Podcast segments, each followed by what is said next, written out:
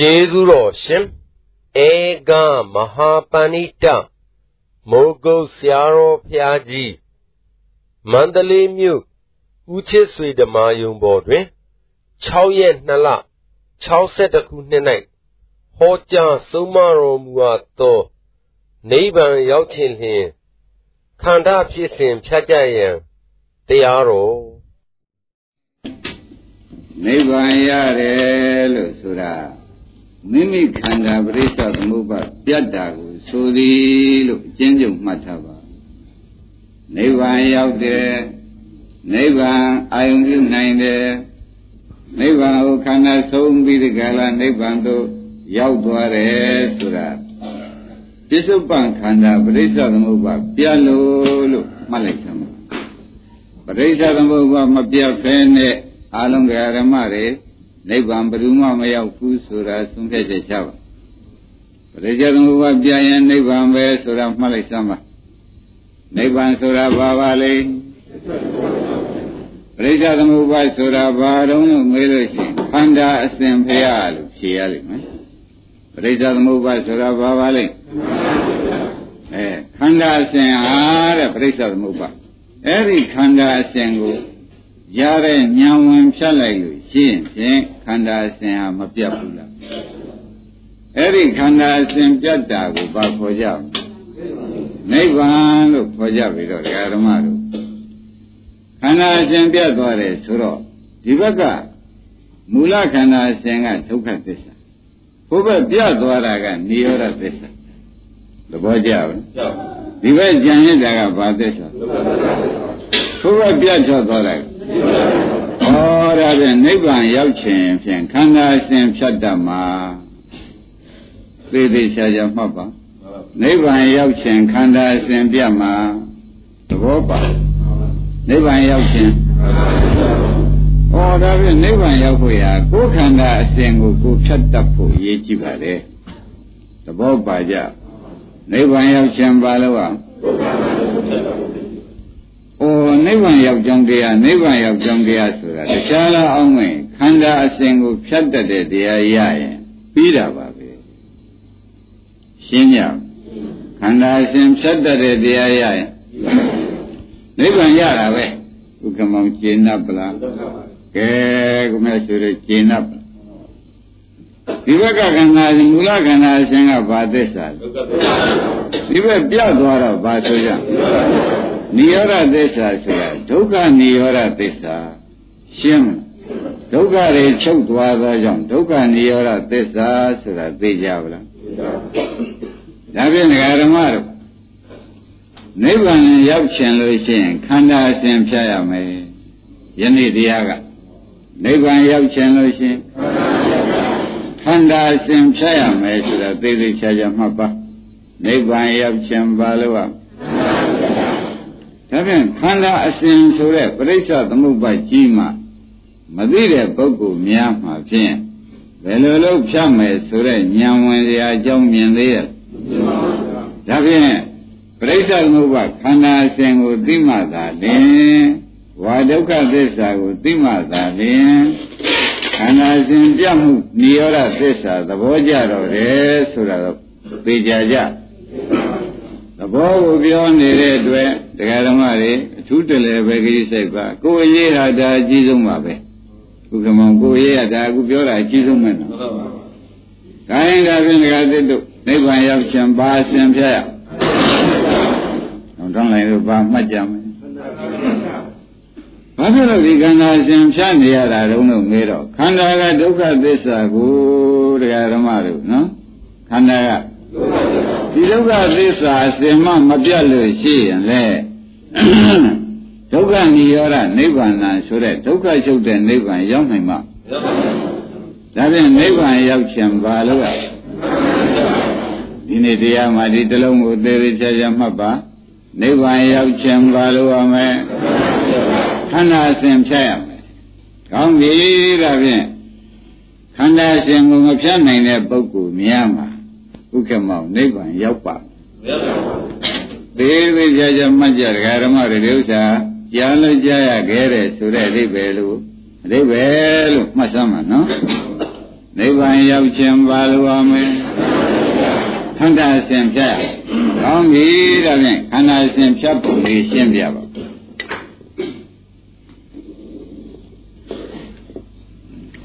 ဒီဘုရားဘုန်းကြီးတို့ဓမ္မတွေဘယ်ကများစပါလိမ့်မလို့လို့မေးတဲ့ခါကျတော့ သင်္ခါရပစ္စယဝိညာဏကစဒီဘုရားဘယ်ကစပါလိမ့်ဝိညာဏကနေစသင်္ခါရပစ္စယဝိညာဏကစတယ်ဆိုတာသေးသေးချာချာမှတ်ထားကြပါဝိညာဉ်ပြီးကနာသူနဲ့တွဲနေတဲ့နာယုမလာဘူးလားနာယုလာပြီးမျက်စိနားနာကောင်းဆိုတော့သလာယနာတွေမလာဘူးလားပြီးတော့ဖတ်တာမလာဘူးလားဝေဒနာရော ကောင်းပြီဒါဖြင့်ဒါခန္ဓာအစဉ်တွေပဲဒါကစိတ်ဒါကနာယုဒါကသက္ကုသောတာခန္ဓာစေဝကာယဒါကဖတ်တာဒါကဝေဒနာကောင်းပြီဒကာဓမ္မဒီခန္ဓာအစဉ်တွေဟာခုပြောခဲ့တဲ့1 2 3 4 5ဒါတရားဓမ္မတွေဒီဘဝအစခန္ဓာစဉ်လို့ဥက္ကမောမှတ်စမ်းပါဝိညာဏယုတ်သလနာဖသဝေဒနာ တရားဓမ္မတွေဒါဒီဘဝခန္ဓာစဉ်နော်သဘောပါလားဝိညာဏယုတ်သလနာဖသဝေဒနာဘာပါလိမ့်ဒီဘဝခန္ဓာစဉ်လို့မှတ်ထားပါနော်ကဲဒီဘဝခန္ဓာစဉ်ကိုနောက်ဘဝခန္ဓာဖြစ်ကြောင်းနဲ့ဖြတ်ရလိမ့်မယ်မဖြတ်ရဘူးနောက်ဘဝခန္ဓာဖြစ်ကြောင်းနဲ့ဖြတ်ရတော့မယ်ဆိုတော့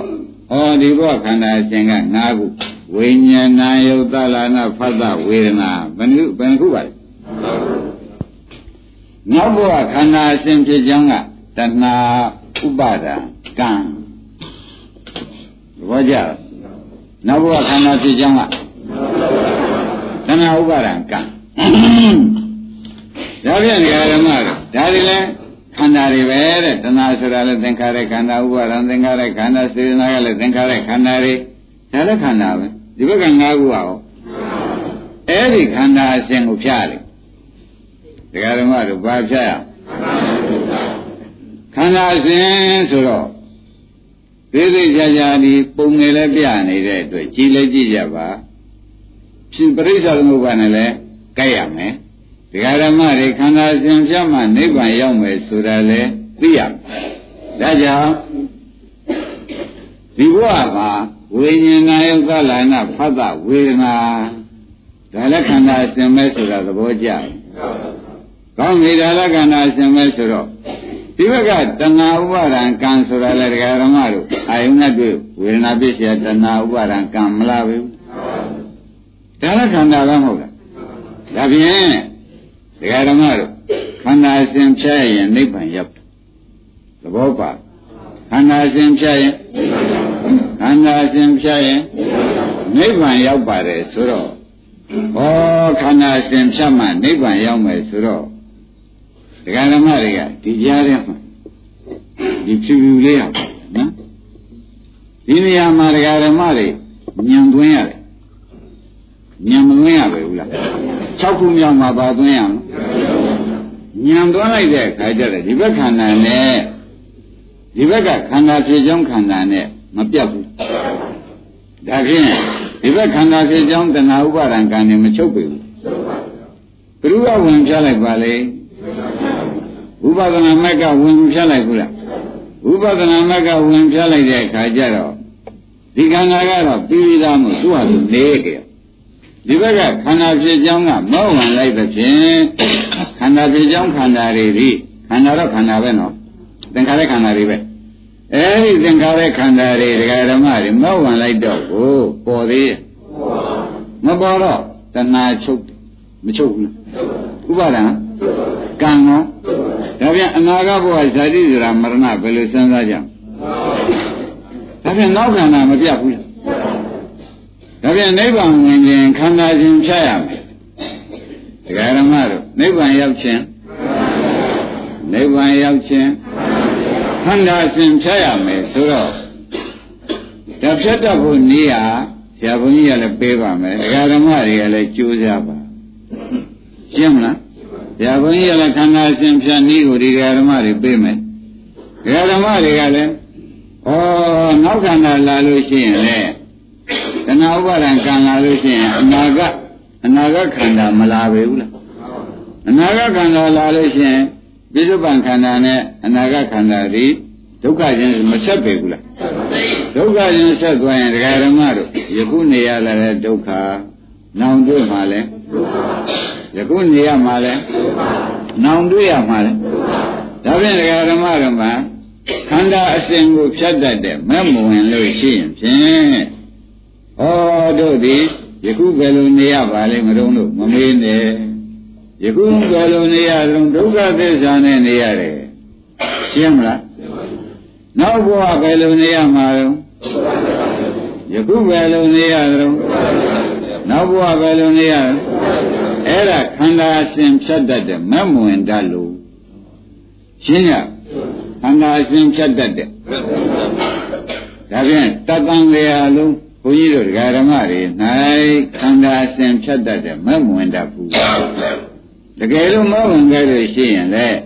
အခုတရားနာတဲ့ခန္ဓာတွေရှိပါဦးမလားရှိပါဘူးဩဒါဖြင့်ဒီတရားတွေနိဗ္ဗာန်ဝင်ခြင်းခန္ဓာအစဉ်ဖြတ်ရမယ်ဆိုတော့အားလုံးဒကာဓမ္မတို့စဉ်းစားပြီးနားထောင်တော့မှဩတို့ဒီခန္ဓာအစဉ်ဖြတ်တဲ့အလုပ်မလုပ်ဘူးပါလားဆိုတော့ပေါ်လာဘာပေါ်လာခန္ဓာအစဉ်ဖြတ်တဲ့အလုပ်ကို ဒါဖြင့်အခုအချိန်မှာဘုန်းကြီးတို့ဓမ္မတွေမလုပ်တော့ဘူးသာယမေစေဝါရည်နဲ့အချိန်ကုန်ပြီးကာလကိုယ်ထင်ကလေးသာနေကြတော့မယ်ဆိုလို့ရှိရင်ဖြင့်အခုဒုက္ခပြီးနာဘာဖြစ်မှာတုံးလို့မစင်စားပါနဲ့ဒုက္ခဖြစ်မှာပဲလို့ဒါဆုံးဖြတ်ချက်ချပါအခုဥပိ္ပနာပဲသေပြီးနောက်ဘာနဲ့နေရမလဲနောက်ဥပိ္ပနာပဲသေပြီးနဲ့ပဲနေရလိမ့်မယ်ဆိုတာမရှင်းသေးဘူးလား ယခုဘာနဲ့နေရတော့နောက်ဘာနဲ့နေရမှာလဲဒါဘာမဖြတ်တတ်ပါလိမ့်ခန္ဓာအစဉ်မဖြတ်တတ်လို့အမှန်တန်ဖုဒ္ဒံသွားပြီဒကာဓမ္မတို့ဒီတလုံးနဲ့ပဲအမှန်တန်ဖုဒ္ဒံသွားပြီဒကာတက်မတန်သေးဘူးအမှန်တန်ဖုဒ္ဒံသွားပြီဆိုတာဥပ္ပါဝကြီးရှင်း납ဗလားတကောင်းလေးအလုံးကကျွတ်တို့ဒီခန္ဓာအစဉ်ဖြတ်တတ်တဲ့ညောင်ဝင်တရားနေရာလည်းမသိဘူး ဉာဏ်လည်းမဝင်ဘူးဆိုတာအမှန်တန်မသေးကြဘူးလားကဲယခုဘဝမှာဒကာဓမ္မတို့ဒီဘဝဒုက္ခကိုတော့ဖြင့်အကျိုးပေးပြီးသားဖြစ်သောကြောင့်ခံယုံပဲနောက်ဒုက္ခကိုတော့မဝင်ပြတ်တယ်သဘောပါနောက်ဒုက္ခကြောင့်နောက်ဒုက္ခမဝင်ပြတ်တယ်ဆိုတော့အပြောလားတဲ့ဟောဒီကြားထဲမှာမဝင်လိုက်လို့ရှိရင်ဒီခန္ဓာနဲ့ဒီဘက်ခန္ဓာတွေနဲ့ဘယ်နဲ့နေတော့ ဒီခန္ဓာတွေအပြတာထားရတယ်ပေါ်သေးရဲ့ခန္ဓာဖြစ်ကြောင်းကိုပေါ်သေးရဲ့ဒါရင်ခန္ဓာဖြစ်ကြောင်းမှမပေါ်တော့ခန္ဓာဖြစ်ကျိုးတွေကိုလာကြမြင်သေးရဲ့ဒါဖြင့်နိဗ္ဗာန်ဝင်ခြင်းလို့ရှိရင်ဖြင့်ခန္ဓာအစဉ်ဖြတ်ကြပါဘယ်လိုမှတ်ကြတော့တော့ရေးကြည့်တဲ့တရားလို့ဒကာရမတွေသေချာမှဗတရားမများပါဘူး တရားမများပါဘူးနိဗ္ဗာန်ဝင်ခြင်းခန္ဓာအစဉ်ဖြတ်ရှင်းမခန္ဓာအစဉ်ပြလိုက်လို့ရှင်းဖြင့်တဏှာလိုလိုပြတ်ထွက်သွားတယ်ဆိုတာကိုသိကြလားဒါဖြင့်နိဗ္ဗာန်ဝင်ခြင်းပါလို့ပါမယ်ခန္ဓာအစဉ်ဖြတ်ရလိမ့်မယ်လို့ဆိုတော့တရားဓမ္မတွေဒီဘက်က၅ခုနဲ့ဒီဘက်က၃ခုနဲ့မဆက်စီနဲ့ရှင်းဒီဘက်က၅ခုနဲ့၃ခုနဲ့၅ ၅နဲ့၃မဆက်စီနဲ့တရားဓမ္မတို့ပေချာနှစ်ရှင်းအောင်ပြောနေတယ်၅နဲ့၃၅ကဝိညာဉ်နာယုတ်ပလနာဖတ်တဝေဒနာ၃ကတဏှာဥပါဒံကံငါးနဲ့သုံးမဆက်စီနဲ့ရိမ့်မေဗလားငါးနဲ့သုံးအဲ့ဒါခန္ဓာအစဉ်ပြတ်တာပဲရှင်းမလားငါးနဲ့သုံးဒါဘာလို့တာပါခန္ဓာအစဉ်ပြတ်နေ ဒါဖြင့်နိဗ္ဗာန်ဝင်ရင်ခန္ဓာအစဉ်ပြတ်ဆိုတာငါးနဲ့သုံးမဆက်စီနဲ့ဟောတယ်ကျေနပ်ဘာနဲ့ဘာမဆက်ရမှာငါးနဲ့သုံးမဆက်စီနဲ့ဆိုတဲ့စကားဒကာဓမ္မတို့မမြင်ရအရေးကြီးတဲ့စကားလို့မယူလိုက်နဲ့နော်ဘုရားသစုတစုပေါ်မှာဒီပရိစ္ဆေသမုပ္ပါဖြတ်နည်းရဒါကြောင့်ဘုရားဓမ္မတို့ဘယ်ဘုရားဖြစ်သွားတယ်ဆိုတဲ့ဥစ္စာ ဘယ်နေရာမှာဖျားဖြစ်သွားသလုံးလို့မေးတဲ့အခါကျတော့မနစ်ကလည်းဟောဘူးပါလေဝေဒနာနဲ့တဏှာကြားမှာမောဝင်လို့ဖျားဖြစ်ဖျားဘယ်နေရာဖြစ်တော့ဝေဒနာနဲ့တဏှာကြားမှာဖျားဖြစ်သောတာပန်ဘယ်မှာဖြစ်ပါလိမ့်ဗေဒဂံဘယ်မှာဖြစ်ပါလိမ့်နနာဂံဘယ်မှာဖြစ်ပါလိမ့်ယန္တာဘယ်မှာဖြစ်ပါလိမ့် ကဲဥက္ကမောင်တို့အားလုံးဥဒ္ဒယတို့ကျေနပ်ပလားဩဒီကြားမှာကြီးသံဃာဖြတ်သမားများဟာဒုက္ခဖြတ်သမားဟူသေးသည်ဒီကြားမှာပဲအလုံးလုံးပွားကြတာပဲရှင်းမလားဝေဒနာနောက်ကနေပြီးဒီကလာမောဝင်သွားကြတာကြီးပဲဆိုရင်ကောညင်းဖို့လိုသေးလားဒါဖြင့်ဓမ္မတို့နိဗ္ဗာန်ဝင်ခြင်းပါလို့ရမယ်ခန္ဓာအစဉ်ဖြတ်ဒီဘက်ခန္ဓာကဘာသစ္စာ ပေါ်လဒံခန္ဓာကအဲဒီခန္ဓာအစဉ်ကိုဖြတ်လိုက်တော့ပထမခန္ဓာအစဉ်နောက်ကနေမောဝင်လိုက်တဲ့အခါကျတော့နောက်အနာဂတ်ခန္ဓာအစဉ်ဘယ်နဲ့နေပါလိမ့်အဲ့တော့ခန္ဓာနိရောဓဘယ်နဲ့ဆက်ခန္ဓာနိရောဓကနိဗ္ဗာန်ကဒီဘက်ကတဏှာနိရောဓနိဗ္ဗာန်ကဒီသုံးခုကိုဆိုပါလေရှင်းမလားဒါဖြင့်တဏှာချုပ်လို့လေဒီဘက်ကဘာလို့ခန္ဓာချုပ်သဘောကျတဏှာချုပ်လို့လေဒီဘက်ကအနာကဘာဖြစ်လို့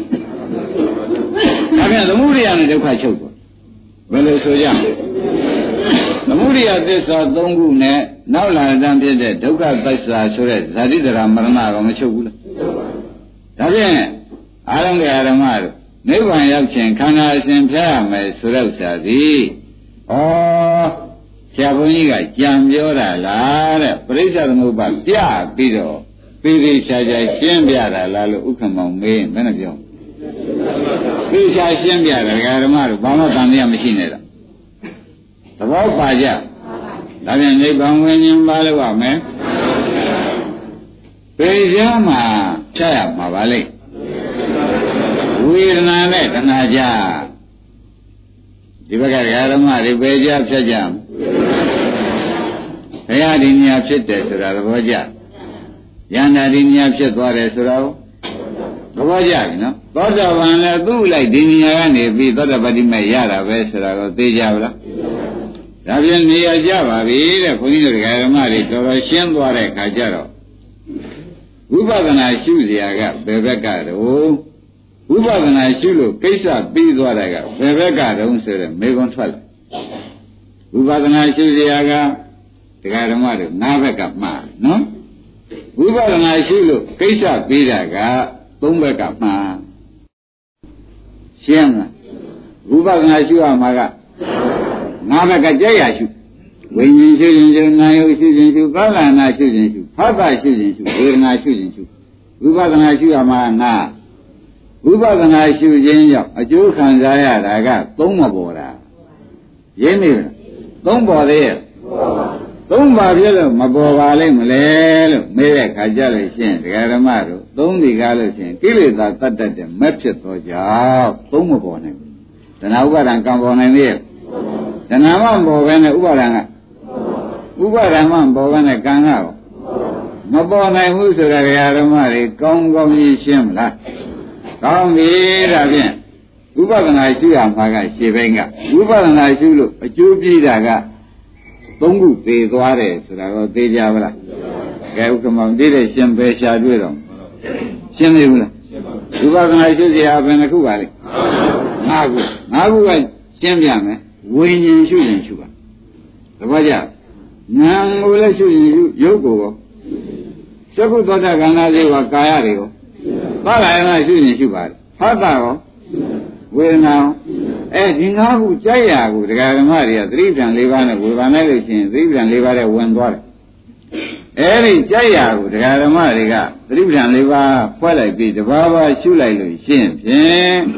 ဒီဘက်ကဝိပဿနာရှုเสียဒီဘက်ကဝိပဿနာရှုလို့အကျိုးပြေးတာလို့သိသိချာချာမှတ်ဒီဘက်ကဘယ်နဲ့ဆိုကြမလဲဒီဘက်သုံးခုကဝိပဿနာရှုသောကြောင့် အကျိုးပြီးတာဆိုတော့ဩတို့ဆရာဘုန်းကြီးကအကွက်ကြရှင်းပြနေပါလားဆိုတာဥက္ကမောင်ရေဒကာတစ်တို့ပေါ်ပြီပေါ်လေဘူးလားဝဥပါဒနာရှုစရာဘယ်နှခုပါလဲငါးခုပဲမဲ့လဲပရိစ္ဆေသမုပ္ပါလုံငါဒကာဓမ္မတွေရိပ်ပြီလားတတိပဌာန်လို့က၄ပါးပဲ ဒါရှုစိတ်တ ानु ပါဒနာဖြစ်မှာပဲဒီဘက်ကရှုရင်လည်းရှင်ဓမ္မ ानु ပါဒနာတွေဖြစ်မှာပဲဒီဘက်ကရှုလို့ရှင်ကာ ानु ပါဒနာဖြစ်မှာပဲသဘောကျဒီဘက်ကသာဒီအာယရဏတွေရှုလိုက်လို့ရှင်ရင်လည်းစိတ်တ ानु ပါဒနာနဲ့ဓမ္မ ानु ပါဒကာ ानु ပါဒနာသွားအောင်ပါပဲလူရင်းတော့ဖြင့်ဒကာဓမ္မတွေတတိပဌာန်၄ပါးပါသွားတယ်ဒီထက်ငါးလားဆိုတာတတိပဌာန်နဲ့သွန်းလိုက်တော့တတိပဌာန်၄ပါးတဲ့အကုန်မပါဘူးလားရှင်းကြပါလားဒါဖြင့်ဘုန်းကြီးဒကာဓမ္မတွေ ခန္ဓာရှိရင်အပယ်ကြောက်နေရတာကဘာဖြစ်လို့ကြောက်ရတာတော့နေရာတိရစ္ဆာန်ပိဋ္ဌအပယ်ကိုဒကာဓမ္မတွေဘာဖြစ်လို့တော့ကြောက်ကြတာတော့မေးတော့ရှင်းဖြင့်ခန္ဓာပေါ်မှာကြောက်ခန္ဓာပေါ်ရင်တဏှိနေရာရောက်မသိကြဘူးလားခန္ဓာပေါ်ရင်30ဘုံတဏှိနေရာမရောက်ဘူးအဲ့တော့ခန္ဓာပေါ်လို့ကြောက်နေရတယ်အပယ်လေးပါးကြောက်ရတယ်ဆိုတာဘာပါလဲဒါဖြင့်ခန္ဓာကြီးကဘာသစ္စာလဲ ပေါ်မဲ့ခန္ဓာကဒုက္ခသစ္စာမှုဒုက္ခသဒုက္ခသပိဋိဒထောဆိုတဲ့တဲ့သူအနှိမ့်ချက်ခံဖို့ပေါ်လာတာပဲသဘောကျလားနောက်ပေါ်မဲ့ခန္ဓာကဘာသစ္စာဘာလို့ဖို့ပေါ်လာပါလိမ့်အနှိမ့်ချက်ခံဖို့ပေါ်လာတာဆိုတာသိကြကြအဲအနှိမ့်ချက်ခံဖို့ပေါ်လာတာကိုကျွတ်တို့ကမပေါ်လာအောင်လုပ်လိုက်တဲ့အခါကျလို့ရှိရင်ဖြင့်ဟောဒီယောဂီဟာမဲဆိုင်တဲ့ယောဂီပုဂ္ဂိုလ်ဟာသူ့ခန္ဓာနောက်ခန္ဓာအတွက်စိုးရင်ရရှိသေးရဲ့ အပယ်လေးပါးမှာငါယောဂကြည့်သေးရဲ့ဆိုတာကိုရှိသေးရဲ့နတ်ပြည်သွားပြီးကာလအလောင်းကြီးကြဖြစ်ရကြည်သေးရဲ့ဆိုတာကိုရှိသေးရဲ့လားဓမ္မပြည်သွားပြီးအလောင်းကြီးကြဖြစ်ရကြည်သေးရဲ့ဆိုတာကိုဘာကြောင့်တုံးလို့မေးတဲ့အခါကျတော့ဓမ္မတို့တဲ့ခန္ဓာရှိမှအပယ်လေးပါးရှိတယ်သဘောကျခန္ဓာရှိမှခန္ဓာရှိမှဓာတ်ပြည်၆ဓာတ်ခန္ဓာရှိမှမြမပြည်20 အဲ့ဒါတွေကဒုက္ခသစ္စာကြီးပဲမဟုတ်လားအဲ့တော့ခန္ဓာကိုရုပ်သိမ်းလိုက်တဲ့နဲ့ဇင်းနေတဲ့ပေါင်းထွန်းလိုက်တဲ့စဉ်းစားကြည့်ကျွတ်တို့ဖြင့်ဘယ်ဘုံဘယ်ဒုက္ခမှမရှိတော့ဘူးဆိုနိုင်မဆိုနိုင်သဘောပါရလားဘယ်ဘုံဘယ်ဒုက္ခရှိသေးလဲဒါဖြင့်ခင်ဗျားတို့အပေကြမှာတပည့်တော်သိကြောက်တယ်ဆိုတဲ့ဥစ္စာခန္ဓာဖြစ်မှာကြောက်အပေကြောက်နေဘာကြောင့်ကြောက်ရပါလဲခန္ဓာဖြစ်မှာကြောက်အပေကြောက်နေရတယ် အိုးနတ်ပြည်သွားပြီးကာလမူယူပြီးကာလတပည့်တို့ပြောခြင်းတိုင်းပြောတော့ကြပဲလေးပါရောက်အောင်မှာဆိုတာကဘုရုအကြောင်းရင်းခံပြောတာလားမြမပြည်မှာဗျာသက်တမ်းကြီးကလည်းရှေ့ပါပြီနဲ့တော့ကြမြမပြည်ကနေပဲလေးပါလေးရောက်ပြန်တာပဲဒါလည်းဘုရုအကြောင်းရင်းခံပြောရင်ခန္ဓာအကြောင်းရင်းခံပြောတာကြီးပဲဆိုတာသိကြကြဒါဖြင့်ဒကာရမတို့ဒီခန္ဓာမလို့ခြင်းဒီဘက်ခန္ဓာရပါ ဒါပြန်ဥပဒနာဆိုတာမလို့ခြင်းအောင်ရှုတာပေါ်သေးဘူးလားဥပဒနာဆိုတာမလို့ခြင်းအောင်ရှုတာဆိုတာမလို့ခြင်းတာမဲ့ပါပဲမလို့ခြင်းတာပါပါလေအဲဒါကြောင့်ဘုန်းကြီးဓမ္မတွေဥပဒနာမရှုဘဲနဲ့ငါဖြစ်နေခန္ဓာချုပ်ငင်းရုပ်သိမ်းတဲ့နိဗ္ဗာန်ရောက်လိမ့်မယ်လို့ဘယ်ကာကာလမှမယုံကြည်လိုက်ပါနဲ့သူ့တော့ဖြင့်မပါမပြီးတဲ့တရားလို့မှတ်လိုက်စမ်းရှင်းမလား ဝိပဿနာမရှိဘဲနဲ့နိဗ္ဗာန်ရောက်လိမ့်မယ်လို့တော့မယူပါနဲ့ဘုရားရှင်ယူလို့တော်ကသိချာစဉ်းစားကြည့်လေဒီဘက်ငါးခုတစ်ခုခုမှခမည်းတော်အဖြစ်အပျက်ကိုမမြင်အဖြစ်အပျက်ကိုမမုံဒီငါးခုကိုမှကျွတ်တို့လိုချင်တဲ့သံဃာသာဆက်လာမယ်ဆိုဘယ်တော့နိဗ္ဗာန်ရမလဲမဲလိုက်မရနိုင်ဘူးဆိုတာသိကြကြဒါဖြင့်ဒကာဓမ္မတို့ဘုရားဖြစ်တဲ့နေရာမူမှန်ပါပြီသဘောကျ ဝေဒနာနဲ့တဏှာကြဘာဖြစ်တယ်သောတာပန်ဝေဒနာနဲ့တဏှာကြပဲသူလည်းဖြစ်တာပဲသရဂံအနာဂံယန္တာဩဒီနေရာဘောဓိပင်နဲ့ရွှေပလင်မာလားဆိုတာပေါ်လာသေးဘူးလားအေးဒါကြောင့်ဘောဓိပင်နဲ့ရွှေပလင်ဆိုတာကအလုံးတရားဓမ္မတွေအထည်ပြတာပါဘုရားကိုယ်တော်မြတ်ကြီးဝန်းထဲမှာတဏှာသတ္တာကတော့ဝေဒနာနောက်ကနေပြီးသူမဲ့ဝင်ပြီးပြစ်လိုက်တာနဲ့ တရားဓမ္မတို့ဘုရားဖြစ်သူရောက်သွားပါလေသဘောပါဒါဖြင့်ကိုတော်ကြီးဘုရားဖြစ်တယ်ကကိုတော်ကြီးပြိဿသမုပ္ပါကိုကိုတော်ကြီးမဲ့ညာနဲ့ဖြတ်လိုက်တော့ဘုရားဖြစ်သွားရတယ်ရင်းနေလားကိုတော်ကြီးဘုရားဖြစ်သွားတာဒီဘယ်လိုကြောင့်ဖြစ်ပါလိမ့်ကိုတော်ကြီးညာနဲ့ကိုတော်ကြီးခန္ဓာဖြတ်ချိုက်ရှင်းမလားကိုရောကြီးညာနဲ့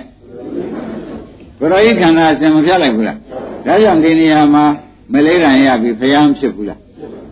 ရှင်းကြပါဘူးဒါဖြင့်ဘုန်းကြီးတို့ဒကာဓမ္မတွေရှင်းပိုင်း၅ခုဒီဥပဒနာရှုတရားနောက်ပိုင်းသုံးခုဒီဥပဒနာရှုခြင်းကြောင့်အကျိုးရှိတာဟောတော့လိုက်တဲ့ကျင်တော့ဗလားဒကာဓမ္မတွေရှင်းပိုင်း၅ခုကဘာလို့ရမလဲနောက်သုံးခုကဘာဘာပါလိမ့်ဝိပဿနာရှုလို့အကျိုးပြီးတာအကျိုးပြီးတာဆိုတာလာရရဲ့ မလာဘူးဆိုတော့ဩဒါဖြင့်တို့ဒီနေရာကထိုင်ပြီးဒီကလည်းရှုရမှာပဲဆိုတော့ပေါ်ပြီပေါ်ကြတယ်ဘူးလားဝိပဿနာပဲနေရာထိုင်ရှုကြမယ်ဝေဒနာနဲ့တဏှာကြားနေရှုရမှာပဲဒီမြတ်ရှုပဲနေရှုမယ်နောက်ကတရားဓမ္မတွေဝေဒနာနဲ့တဏှာကြားနေရှုရမှာပဲတဏှာလာရင်အခွင့်ကိုမပေးမှပေးလို့ရှိရင်တဏှာဥပါဒံကံမလာပဲဘူးလားဇာတိဒရာမရဏတွေက လာမယ်ဆိုတာမသိကြဘူးလားအဲဒါကြောင့်ဘုရားဖြစ်တဲ့နေရာလေးယနေ့ရှင်းပြပါပြီသောတာပန်တရကနာဂယန္တာဖြစ်တဲ့နေရာလေးရှင်းပြတဲ့အတွက်ဝိပဿနာသည်ရှင်းငါးခုကိုရှုပါဆိုတော့ဒီဘဝရလာတဲ့ခန္ဓာဒီဘဝအစကဝိညာဉ်ကစတယ်ဆိုတာဥက္ကမောင်ရှင်းပြီးပြီဓမ္မတွေဒီဘဝအစဘယ်ကပါလဲဝိညာဉ်ပြီးပါလာပါလိမ့်နိုင်ယူပြီးတော့သလာနာပြီးတော့ ဖတ်တာပြီးတော့ခိုင်ပြိဿသမုပ္ပါဆိုတာဩဒီလိုတန်းတာပါလားဆိုတာကိုပေါ်လာပါလားကဲပြိဿသမုပ္ပါကိုကျွတ်တို့ကဒကာဓမ္မတွေအရှုလွယ်အောင်ခန္ဓာဖွဲ့ကြပါသဘောကျပြိဿသမုပ္ပါကိုအရှုလွယ်အောင်ခန္ဓာဖွဲ့ကြပါလို့ဆိုတော့ဝိညာဉ်ကဒကာဓမ္မတို့ဝိညာဉ်နဲ့ခန္ဓာဖြစ်သွားတော့နန္ဒီကဝေဒနာခန္ဓာသင်္ညက်ခန္ဓာဖြစ်တယ်ယုတ်ကယိပခန္ဓာဖြစ်သွားပြီဒီသလာယနာ သကုသောတာခန္ဓာကြီးကကာယတွေကလည်းယူပခန္ဓာတွေသွန်းလိုက်တော့ဟောတာကသင်္ခါရခန္ဓာတွေသွန်းလိုက်ဝေဒနာကဝေဒနာခန္ဓာတွေသွန်းလိုက်တော့ခန္ဓာ၅ပါးပြန်ဖြစ်ရိပ်ပြီခொနဲ့၅ခုပေါင်းလိုက်တော့ဘာလာဖြစ်ဟောခொနဲ့ကဝိညာဉ်နဲ့သလာနာဖတ်တာဝေဒနာတွေပေါင်းလိုက်တော့ဘာဖြစ်လာအဲ့ဒါဖြင့်အခုခန္ဓာ၅ပါးခမားတို့ပြိဿသမုပ္ပါလို့မှတ်လိုက်ရှင်းရမလားအခုခန္ဓာ၅ပါး ခမည်းတော်ယခုဖြစ်နေတဲ့ခန္ဓာ၅ပါးယခုပြိဿသမုပ္ပါပဲဆိုတာသိကြဗလားဒါဖြင့်ဒီ၅ပါးရှုရမှာပဲပေါ်ကြဘုရုရှုရမှာပဲဒီလိုဆိုတော့ဒကာသေးခုနကလည်းပိုရှင်းသွားပရိစ္ဆေသမုပ္ပါ၅မျိုးပေါင်းလိုက်တော့ဘာလာဖြစ်လာခန္ဓာ၅ပါးပဲဖြစ်တယ်ဆိုတာသိကြဗလားပရိစ္ဆေသမုပ္ပါ၅မျိုးပေါင်းလိုက်တော့ဩတို့ ဆရာဘုန်းကြီးရှင်းပြပြီတခြားစီလားအောင်းမေ့နေတယ်မဟုတ်ပါလားပရိစ္ဆေသမုပ္ပါဆိုတော့ဒီခန္ဓာ၅ပါးဆိုတာပါလားလို့တရားဓမ္မတွေရှင်းထားပါတော့ဉာဏ်နဲ့မှာနော်ရှင်းနိုင်ကြလားပရိစ္ဆေသမုပ္ပါဆိုတာဘာပါလဲလက်ရှိခန္ဓာ၅ပါးရှင်းကြပရိစ္ဆေသမုပ္ပါဆိုတာဘာပါလဲလက်ရှိခန္ဓာ၅ပါးကိုတရားဓမ္မတွေက သိထားတော့မှဩတခြားရှုအောင်မလာအောင်မင်းလေလက်ရှိခန္ဓာ၅ပါးရှုလိုက်ပြီးတာပဲဘောကြလားဘာရှုကြမလဲလက်ရှိခန္ဓာ၅ပါးရှုလိုက်တဲ့အခါကျလို့ရှင်းဖြင့်ဘယ်နဲ့မှလည်းပရိစ္ဆေသမုပ္ပါရှင်း၅ပါးရှုဆိုတာနဲ့အဲ့ဒါပေါင်းလိုက်တော့လေခန္ဓာအခုလက်ရှိခန္ဓာ၅ပါးဖြစ်လာပြန်တော့တရားဓမ္မတို့ဒီခန္ဓာ၅ပါးမှတပါးရှုเสียကိုရှိပါရဲ့လား ဥက္ကမောင်သေးကြပြီအာရမဂဓမ္မတွေသေးကြဗလားဒါဖြင့်တဲ့ဘုန်းကြီးဓမ္မတွေမှာပရိစ္ဆေသမုပ္ပါပြတ်မပြတ်ပရိစ္ဆေသမုပ္ပါနဲ့ခန္ဓာနဲ့ဟာတခြားစီလားအတူတူပဲလားဟောင်းလိုက်တော့အတူတူဖြစ်သွားအဲ့တော့ညံမရှုပ်ကြပါနဲ့တော့ဆရာဘုန်းကြီးကအလွန်ရှင်းပြနေတဲ့အတွက်ဩကိုယ်ခန္ဓာ၅ပါးကိုရှုလိုက်လို့ရှင်းဖြင့်ခန္ဓာပြတ်သွားတာပဲဒီဘက်ခန္ဓာလာသေးရဲ့လားခန္ဓာဖြစ်ကြောင်းတွေရော မလာရင်ပြတ်မှာပဲပြတ်လို့ရှိရင်ဒီဘက်မှာဗာသစ္စာတွေတော့ဒီဘက်မှာဒကာဓမ္မတွေသနာချုပ်တာလည်းនិရောဓသစ္စာပဲသနာនិရောဓကနိဗ္ဗာန်မနာမသဘောကျလားဒီဘက်ကနောက်လာမဲ့ခန္ဓာချုပ်တာကောနိရောဓသစ္စာဆိုတော့နိဗ္ဗာန်မဟုတ်လားဩဒါဖြင့်လက်ရှိခန္ဓာ၅ပါးရှုလိုက်လို့ရှိရင်ဒီဘက်ကတဏှာချုပ်တဲ့နိဗ္ဗာန်လည်းကျွတ်တော့ကိုယ်ပိုင်ရတာပဲသဘောပါခန္ဓာချုပ်တဲ့နိဗ္ဗာန်ကိုကိုယ်ပိုင်ရ ကိုယ်ပိုင်ရတယ်ဆိုတော့ကျွတ်တော့အလုံးဘာပါလိမ့်မလဲလို့မေးတော့မှလက်ရှိခန္ဓာ၅ပါးကိုဝိပဿနာရှုမှုပေါ်ကြဘာလို့ကြမလဲလက်ရှိခန္ဓာ၅ပါးကိုဝိပဿနာရှုမှုဆိုတာသိကြကြဗလားကောင်းပြီဒါဖြင့်လက်ရှိခန္ဓာ၅ပါးဥပဒနာရှုတော့လက်ရှိခန္ဓာ၅ပါးကိုဒကာဓမ္မတွေများတဲ့ထင်လို့ရှိရင်ဘုန်းကြီးကျင့်ပေးပါဦးမယ်ဆိုတော့ ဒီထဲမှာယုတ်ကိုယုတ်ကယူပခန္ဓာထားနာမခန္ဓာ၄ပါးကတစ်ခုပြည့်အကုန်ဖြစ်တာပဲသောကြောင့်နာမဲလို့မှတ်လိုက်တပည့်ကြအဲ့တော့ခန္ဓာ၅ပါးကိုနှစ်ပုံပုံလိုက်တော့ယုတ်နဲ့နာပဲရှိတယ်တပည့်ကြခန္ဓာ၅ပါးနှစ်ပုံပုံလိုက်တော့ဒါဖြင့်ယုတ်ရှုလဲနိဗ္ဗာန်ရောက်မှာပဲနာရှုတယ်ခန္ဓာ၅ပါးကိုချမ်းလိုက်ပြန်တော့ဘယ်နှခုဖြစ်သွားနှစ်ခုလည်းဖြစ်သွားတယ်ဆိုတာသိကြပါလားအင်းဘာပါရှိပါလိမ့် ယုတ်နဲ့နာမဲရှိတယ်ဆိုတာသိကြပါလားဒါဖြင့်ယုတ်ရှုလဲနိဗ္ဗာန်ရောက်ပါပဲနာရှုကောင်းပြီဩတပည့်တော်နှစ်ခုရှုရမှာဆိုတာသိကြပါလားကောင်းပြီဒီနှစ်ခုတောင်မှဒကာဓမ္မတွေကများသေးတယ်သင်လို့ရှိရင်ဖြင့်ရုပ်ဟာလည်းရှုပါဆိုတော့ရုပ်ကိုရှုရမှာလားအနိစ္စဆိုတဲ့ဖြစ်တဲ့ရှုရမှာ နာမ်ကိုရှုပါလို့ဝေဒနာသင်ညာသင်္ခါရဝိညာဉ်နာမ်ကိုရှုပါလို့ဆိုကြဆိုတဲ့နာမ်ရှုရမှာလားသူတို့ဤဖြစ်တဲ့ရှုရမှာဒါဖြင့်ဒကာဓမ္မတို့သဗ္ဗေသင်္ခါရအနိစ္စတခုလေးရှုရှင်းမလားဘာရှုကြမလဲဒါဖြင့်အနိစ္စတစ်လုံးနဲ့ပြီးသွားတာပဲချမ်းလိုက်ပြီချမ်းလိုက်ပြီဒကာဓမ္မတို့အခုရှင်းပုံပေါ်သဘောကျပရိစ္ဆေသမုပ္ပါချမ်းလိုက်တော့ခန္ဓာ၅ပါးဖြစ်လာ ခန္ဓာ၅ပါးဒုတိယချမ်းလိုက်တော့နာယုတ်ဖြစ်လာနာယုတ်ကိုတခါချမ်းလိုက်ပြန်တော့ကိုအနိစ္စတစ်လုံးနဲ့ပဲကြံရတော့ယုတ်မှလည်းပါရှိတော့နာမှလည်းပါရှိတော့ဒါပြန်အနိစ္စတစ်လုံးနဲ့ရှုလို့ရှိရင်ဒုက္ခအနတ္တဒုက္ခသစ္စာအကုန်ပါသွားတယ်လို့ဒကာဓမ္မတွေယနေ့ဆုံးဖြတ်ချက်ချရှင်းမလားဒါရင်ဘယ်နှလုံးရှုရမှာတလုံးနဲ့ရှုရမှာများများနေသေးသလားလို့မေးချင် တရားဓမ္မတွေတလုံးနဲ့ရှုရမှာများသေးလားဒါမှများလို့ရှင်းပြီလျှော်ရိတ်ကုန်ပြီကဲဒါဖြင့်တရားဓမ္မတွေဒီနေ့အမှန်တန်စိတ်ပြီးဒီကလာပြောလိုက်တော့ဘုရားခင်ကိုရမေကြီးကဝါတဲ့ဥက္ကိသတိယထာဒိဋ္ဌောပုရခိတ်တောရုဏံတတ္ထဝိပဿနာပုရခိတ်တောမဂ္ဂရမောပိုတတိ ဒီကဒါနာမ်ရူပပရိစ္ဆေဒကြမ်းမှလာပါတယ်ဒီကဒါနာမ်ရူပပရိစ္ဆေဒကြမ်းမှလာတော့ဒကာဓမ္မတွေဒါအလုံးစင်ကိုသူပြလိုက်တယ်ဘယ်လိုပြလိုက်တုံးဆိုတော့ဥက္ကိစရိယထာတိဆိုပုရခိတ်တောရုဏံတတ္ထဒါပါဠိလိုဖြစ်ပါမြန်မာလိုကြတော့နေထွက်မယ်ဆိုရင်ဒကာဓမ္မတို့နေကရင်ထွက်သလားအာယုံကရင်တက်သလား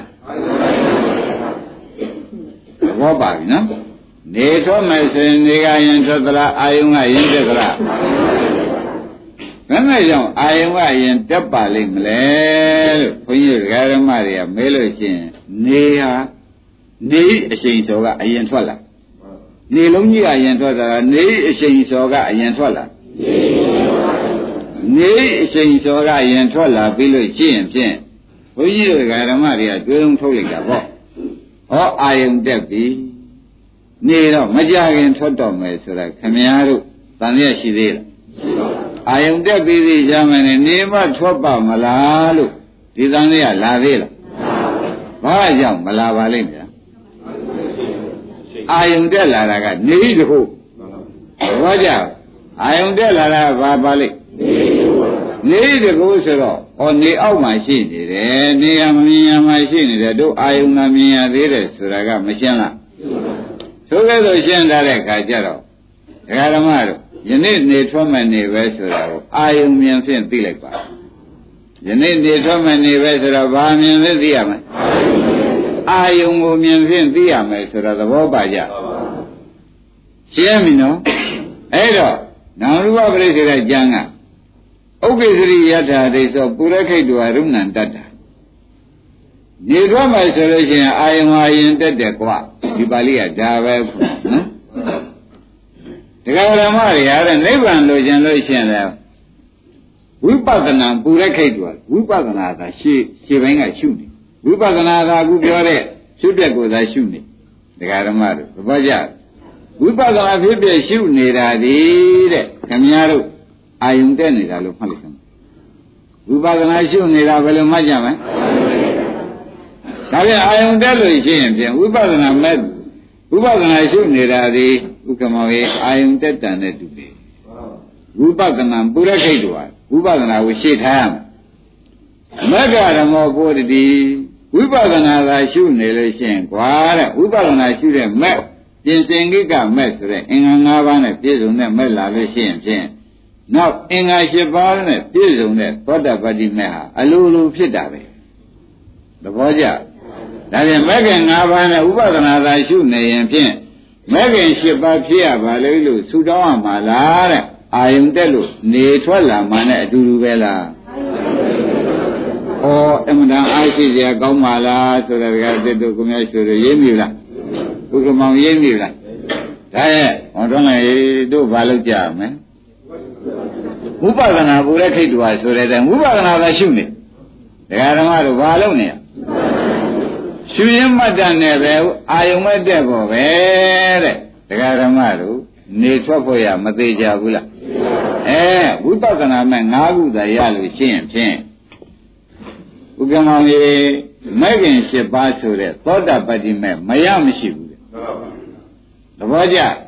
ဒါရင်ဝိပဿနာရှင်းသွားရှိလို့ရှင်းဖြင့်လောကုတ္တရာမဲ့ရနိုင်မရတယ်အဲ့တော့ပါရမီတွေပါတွေစောင့်နေပါနဲ့တော့တရားဓမ္မတို့ ဝိပဿနာရှုပြီးရှုတာနေပါအာယုန်တက်နေတာပါပဲသဘောကျဝိပဿနာရှုနေတာဒီဝိပဿနာမဲ့ပေါ်မနေသေးဘူးလားပေါ်ပါဘူးဥပဒနာမဲ့ရင်းကြက်လာလို့ရှိရင်ဘာဖြစ်မယ်ထင်ကြတယ်နေထွက်တန်တဲ့တူရဲ့လောကုတ္တရာမဲ့ဖြစ်မယ်ပေါ်ကြဥပဒနာမဲ့ရင်လာရင်ဆူတောင်းရကလားတဲ့အာယုံတက်လို့နေထွက်လာတာပဲလား ဒါကြောင့်ဝိပဿနာပူတဲ့ခိတ်တူဟာမက္ခရမောပုတ္တိဝိပဿနာသာရှေ့သွားရှိရင်ဖြင့်ကွာတဲ့မက်သေးချာရတာပါပဲပေါ်ကြဗလားဒါကြောင့်ဘုန်းကြီးကဒကာဓမ္မတွေဆူပေးလိုက်ဥက္ကမတို့ကြားမှာပေါ့ဗျာဆူသီလပေးကနေဘုန်းကြီးကကြောကြဆိုလို့ဥပအောင်ကဆိုတဲ့အခါဘုန်းကြီးကဆူပေးလိုက်မပေးဘူးလားပေးပါဘယ်လိုပေးလိုက်တုံးဆိုတော့ရှိရင်ဒကာဓမ္မတို့သိတဲ့တိုင်တဲ့ မိမိတို့အာထုတ်ဆဲဖြစ်သောဥပဒနာဉာဏ်ဒီဆိုတာဒါဆိုတာတပည့်ကြမိမိတို့အာထုတ်ဆဲဖြစ်သောဥပဒနာဉာဏ်ဒီဆိုတာခင်ဗျားတို့အာထုတ်တဲ့ဥပဒနာဉာဏ်မဲ့က၅ပါးကိုသုံးနေတယ်လင်မြန်စွာမဲ့ညာတို့ကျေးဇူးပြု၍ဆိုတော့သူကနေပြီးအားသာထုတ်တဲ့၈ပါးဖြစ်လာတယ်၈ပါးပြရင်ဘယ်လိုပိတ်သွားတာလဲသဘောကျ၈ပါးသာဖြင့်ဘယ်လိုပါတကားပဲနေမပိတ်ပါနဲ့ဆိုလို့ရသေးတယ်အဲ့ဒါကြောင့်ခင်ဗျားတို့ဝိပဿနာသာ ကျိုးစားပါ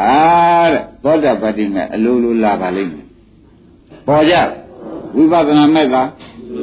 ကျိုးစားရင်ဘယ်မဲ့လာကဲငရောနဲ့လာခြင်းမြန်တော့လေဥပဒနာပဲရှေ့ထွားရှေ့သွားရမှာနောက်ဗာမဲ့လာအနာဂံဖြစ်ခြင်းမြန်တယ်ဆိုတော့ရှေ့ကဘာရှေ့ထားရမှာလဲဥပဒနာမဲ့ပဲရှေ့ထားရမှာပဲသဘောရတယ်နောက်ဘာဖြစ်မလဲရှင်းပြီနော် ရဟန္တာဖြစ်ခြင်းမြန်တယ်ဆိုတော့ဘာရှေ့ထားရမှာဥပဒနာမဲ့ပဲရှေ့ထားရမှာနောက်ကြတော့ဘာလာမလဲအနာဂံမဲ့လာမယ်ဆိုတော့မသေးကြဘူးလားကဲရဟန္တာဖြစ်ခြင်းတော့ဘာလို့ကြမှာတော့ဝိပဿနာရှိအောင်မှာပဲဥပဒနာမဲ့ရှေ့ထားရမှာပဲရှင်းမလားနောက်ပါပြမယ်ထင်တယ်ရတ္တမဲ့လာမှာပဲဆိုတာကိုသိကြပါလားကဲဖျားဖြစ်ခြင်းနဲ့ဘာလို့ဥမလို့ခင်ဗျာဝိပဿနာမဲ့ပဲရှေ့သွားရအောင်မှာပဲသဘောကျ ပြီးတော့မှဘုရားဆိုတဲ့သဗ္ဗယုတညာဆိုတဲ့ဘုရားကိုယ်တော်မြတ်ကြီးဖြစ်လာဖို့သဗ္ဗယုတညာနေရာပါတော့အပြည့်စုံရောက်လာမှာပေါ့ဗျာမရောက်ပြီဘူးလားဒါဖြင့်ကျွတ်တို့အဓိကထားလို့ရမယ်လို့ဘယ်လို့ပါလိမ့်မလို့ဆိုတာဒီတပွဲလုံးမှာဖြင့်ဒကာဓမ္မတွေသိသိချာချာမှတ်တော့ပေါ်သွားပြီ။ဘာရှိထားလို့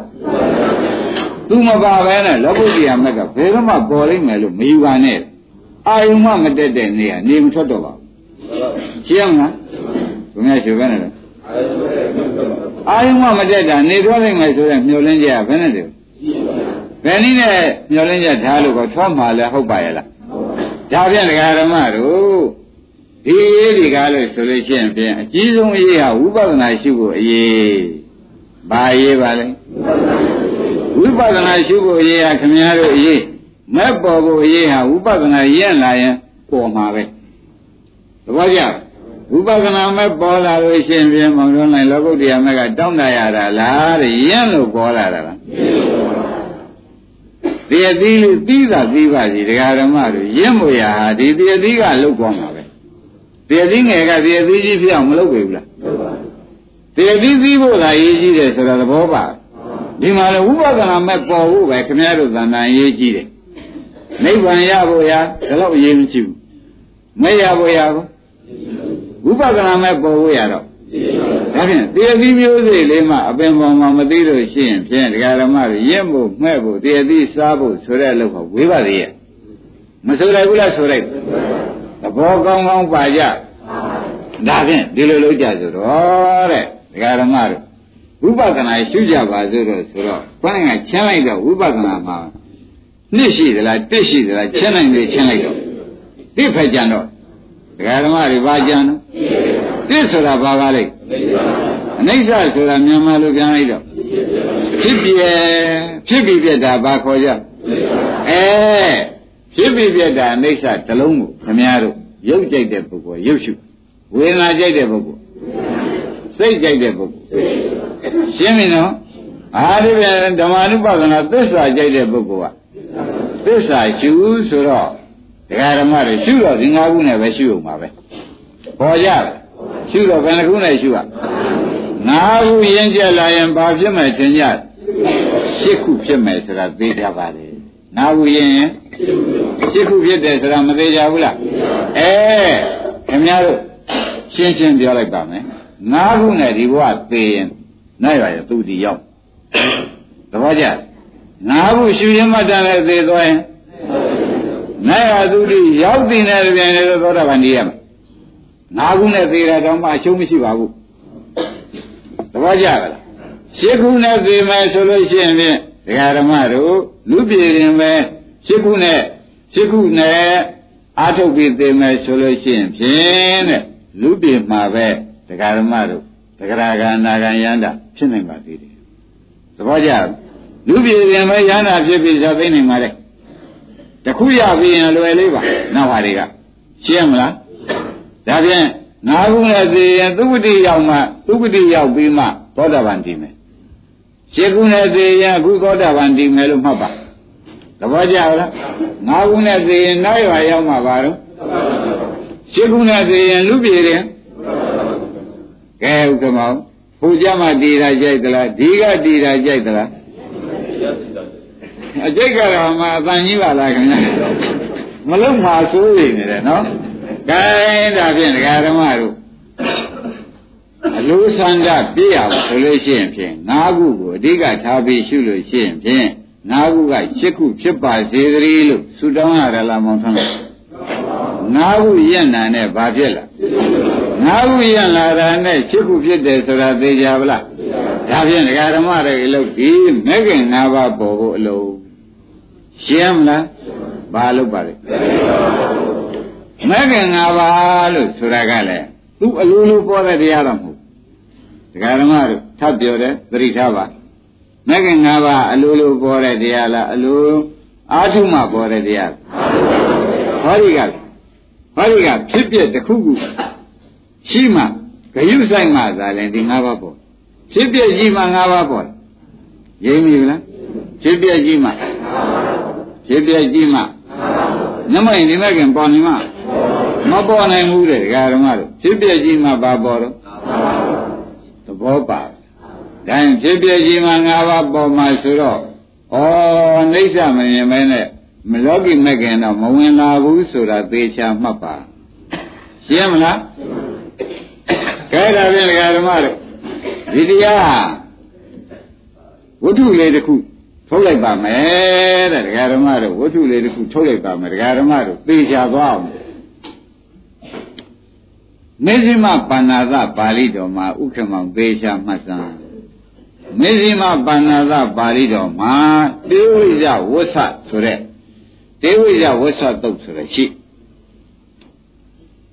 ဘုရားခင်ကိုရမကြီးသည်တဲ့ရာဇုမိမတရင်သုံးပြီးဒီကာလနေတော့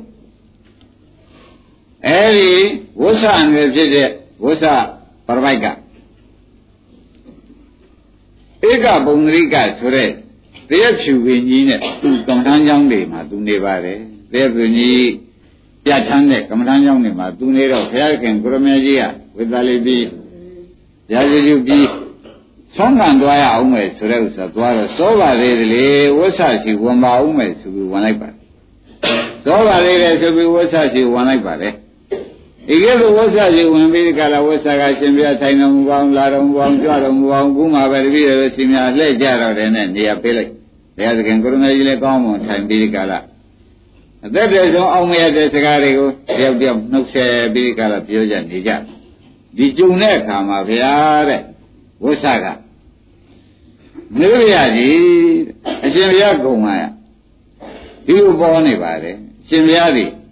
အလုံးစုံသောတရားတွေကိုသိတယ်အလုံးစုံသောတရားတွေကိုမြင်တယ်အိတ်နေလည်းမြင်တာပဲအသွားနေလည်းမြင်တာပဲစားနေတာလည်းမြင်တာပဲလို့အားလုံးကပြောနေကြတယ်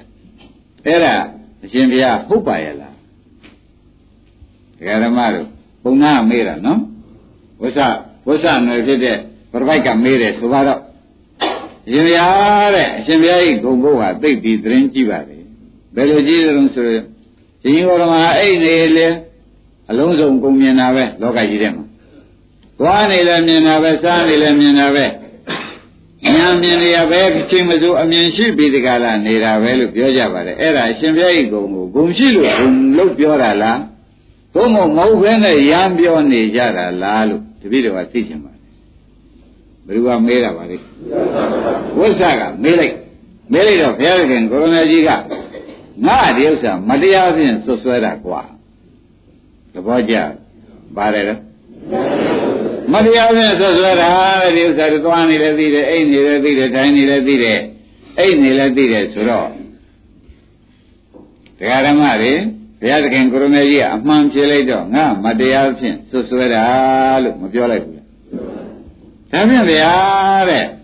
အရှင်ဘုရားဘယ်လိုဒီလို အခုပြောတဲ့အဓိပ္ပာယ်တွေမှမရှိလို့ရှိရင်အရှင်ဘုရားကိုတပည့်တော်ကဘယ်လိုမှတ်ရမှာလဲငါ့ကိုမှတ်ချင်လို့ရှိရင်တေဝိယပုဂ္ဂိုလ်လို့မှတ်လိုက်ကွာဒကာဓမ္မတွေဘယ်လိုမှတ်တယ်တေဝိယပုဂ္ဂိုလ်လို့မှတ်လိုက်ချမ်းပါအဲ့ဒါဆိုရင်ဖြင့်ငါငါကုံနဲ့ငါကြိုက်တယ်ကွာတေဝိယပုဂ္ဂိုလ်ဆိုတာငါဒိဗ္ဗစက္ခုရတယ်လို့မှတ်သဘောကျလား ပုဗ္ဗေနိဝါဒနိသိညာလည်းငါရတယ်လို့မှတ်ဒိဗ္ဗစက္ခုရတယ်လို့မှတ်အာသဝကေယညာလည်းရတယ်လို့မှတ်ဒါဝိဇ္ဇာ၃ပါးရှင်းကြပါလားသေဝိဇ္ဇာပုဂ္ဂိုလ်ဆိုလို့ရှိရင်ငါ့ကိုချင်းမြောက်တဲ့သဘောနဲ့ငါအရှိနဲ့ကြိုက်တယ်ကွာသဘောကျပါလားဒါရင်ဘုရားဝိဇ္ဇာဘယ်နှပါးနဲ့ပြည့်စုံအဲပုဗ္ဗေနိဝါဒနိသိပိညာဒိဗ္ဗစက္ခုပိညာအာသဝကေယညာဘယ်နှခုနဲ့ပြည့်စုံပါလဲ အဲ့ဒီလိုဆိုလို့ရှိရင်ဖြင့်တဲ့အဲ့ဒါငါနာမည်နဲ့သူတို့ချင်းမွန်းတာနဲ့တေဝိဇ္ဇပုဂ္ဂိုလ်ကြီးတေဝိဇ္ဇပုဂ္ဂိုလ်ကြီးဆိုရင်ဖြင့်ကြိုက်တယ်ဘုရားပြောသလိုပဲရှင်ကြီးကောရမအဲညာမြန်အမှန်ကြီးတဲ့အိတ်နေတဲ့သိတာပဲသွားနေတဲ့သိတာပဲစားနေတဲ့သိတာပဲဆိုတော့ငါမတရားဖြင့်ဆွဆွဲရတယ်အဲ့ဒီလိုတော့ငါမသိဘူးတဲ့သဘောပါဆင်းရဲရင်တော့သိတာပေါ့ဒကာဓမ္မအိတ်နေတဲ့ဥစ္စာဘုံဝင်စိတ်နဲ့အိတ်နေတာဘာသိကြမှရှိသေးတယ်သိနိုင်မှာ အဲ့ဒါချင်းမြောက်လွန်းလို့အဲ့ဒီကုန်ကြီးကတော့ငါကုန်မဟုတ်ဘူးကွာလို့ဘုရားကပယ်ချလိုက်တယ်ဆိုတော့ဒကာဓမ္မတွေကောင်းကောင်းရိပ်နေသွားတယ်ဒါနဲ့တရားဟောကြလို့မဟုတ်ပါဘူးတဲ့ဒါကဘုသူတ္တတို့ဟောတာဒါကဒကာဓမ္မတို့ဘုသူတ္တတို့ဟောတာဆိုတော့သိကြပါလားနောက်ပုံနာဆက်မေးတာနတ်ထောင်နောက်ပုံနာကဆက်မေးတယ်ဒီဝိဇ္ဇဝိဇ္ဇပရပိုက်ကဆက်ပြီးတော့မေးဘယ်လိုမေးလိုက်လဲ ရှင်ကောဓမာတဲ့ခုလိုရှင်တဲ့ခါမှာကျွတ်တို့မသိတာတွေကလည်းအကုန်လိုလိုဖြစ်နေတော့မသိတာမေးပြရမသိတာမေးပြရစီလို့ပြောတော့ရှင်ကောဓမာတဲ့လူများလူတန်ရောစဉ်မစွန့်ဘဲနဲ့ဒုက္ခသိမ်းတဲ့နိဗ္ဗာန်ရောက်နိုင်ပါမလားဒကာဓမ္မတွေလူဟာလူတန်ရောစဉ်မစွန့်ဘဲနဲ့ဒုက္ခချုပ်ငြိမ်းရုပ်သိမ်းတဲ့နိဗ္ဗာန်ရောက်နိုင်ပါမလားလို့ ဝဆပရပိုက်ကမေးတယ်။ဒါကြကြနာထောင်ပါဒီအိဗေဟာဒကာရမတို့အမတန်ကြုံကြိုက်ခဲတယ်။တရားတစ်ခုစုဘုမှတစ်ခါတော့ဖြေတဲ့အိဗေနော်။လူဟာလူတန်ရောစမရှိမစွန့်ဘဲနဲ့နိဗ္ဗာန်ရနိုင်မှာမလားသူတို့မေးလိုက်သဘောကျလားဘာလို့ခင်ဗျားတို့မေးကြည့်တာလူဟာလူကံရောစဉ်မစွန့်ဘဲနဲ့နိဗ္ဗာန်ရောက်နိုင်မှာမလားလို့ ဝိသပရိကမဲလို့ဘုရားခင်ကိုရမကြီးကဖြေလိုက်ပါတယ်ဥက္ကမောင်ပေးချမှတ်ပါလူဟာလူကံရောစဉ်မစွန့်ဘဲနဲ့တော့နိဗ္ဗာန်မရဘူးကွဖြေပြီသဘောပါကြဘယ်လိုဖြေလိုက်ပါလဲနိဗ္ဗာန်မရနိုင်ဘူးတရားဓမ္မတို့အမှန်အကွက်ကြတယ်နော်မဲဘုံအကွက်မကြဘူးလားပထမဘယ်လိုမဲလိုက်တော့ လူဟာလူကံရောစမစွမ်းမနဲ့နိဗ္ဗာန်ရောက်နိုင်မှာမလားဆိုတော့ဘုရားကဘယ်နဲ့ဖြေလိုက်ပါလိမ့်မရောက်နိုင်ဘူးဆိုတော့ခမည်းတော်ထင်တယောက်မှရောက်မယ်လို့မပါဘူးလို့ယူခြင်းလည်းယူကြလိုက်မယူရပဲဘူးလားကိုကိုတန်ရောက်ခြင်းနဲ့ကိုနေတော့ဖြင့်ဒကာဓမ္မတွေရှိကြတာကြီးပဲနော်အဲ့ဒီတော့ဘုန်းကြီးကရှင်းပြပါမယ်ဘုန်းကြီးကရှင်းပြပါမယ်ဆိုတော့ဒကာဓမ္မတွေဘာမှအားငယ်ကြမရှိပါဘူးတက္ကရာလည်းရှင်းပြပါ ဥက္ကမောင်ဒီတိုင်းဆိုငိုငိုငိုချင်းချဖို့ရှိတော့တယ်သူပြင်ဘာမှမရှိတော့ဘူးလူကလူတန်ရောစမစွန့်မဲနဲ့နိဗ္ဗာန်ရောက်နိုင်ပါမလားလို့ဝိသပရပိုက်ကမေးတော့ဘုရားကဘယ်နဲ့ဖြေတော့မရနိုင်ဘူးဆိုတော့ဒါရင်ဒီပုံစံချထားတာခင်ဗျားတို့ဒါပြဖို့ပဲဒါရင်ဒီဘက်ကတဏှာဆိုတာတန်ရောစမဟုတ်လားဥပါဒံကောဒါရင်ဒါဖြင့်ဒီဘက်က ခန္ဓာ၅ပါးကိုချုံးရှုလိုက်တော့ဖြစ်ပြရှုလို့ဆရာဘုန်းကြီးကမှားမထားဘူးလားမှားထားတဲ့ခါကျတော့တရားဓမ္မတွေကကိုယ်ခန္ဓာအိမ်ရောက်တဲ့ခါမှဖြစ်စေလမ်းသွားတဲ့ခါကမ္မဋ္ဌာန်းကျောင်းမှာနေတဲ့ခါမှဖြစ်စေရှုနေပါပြီ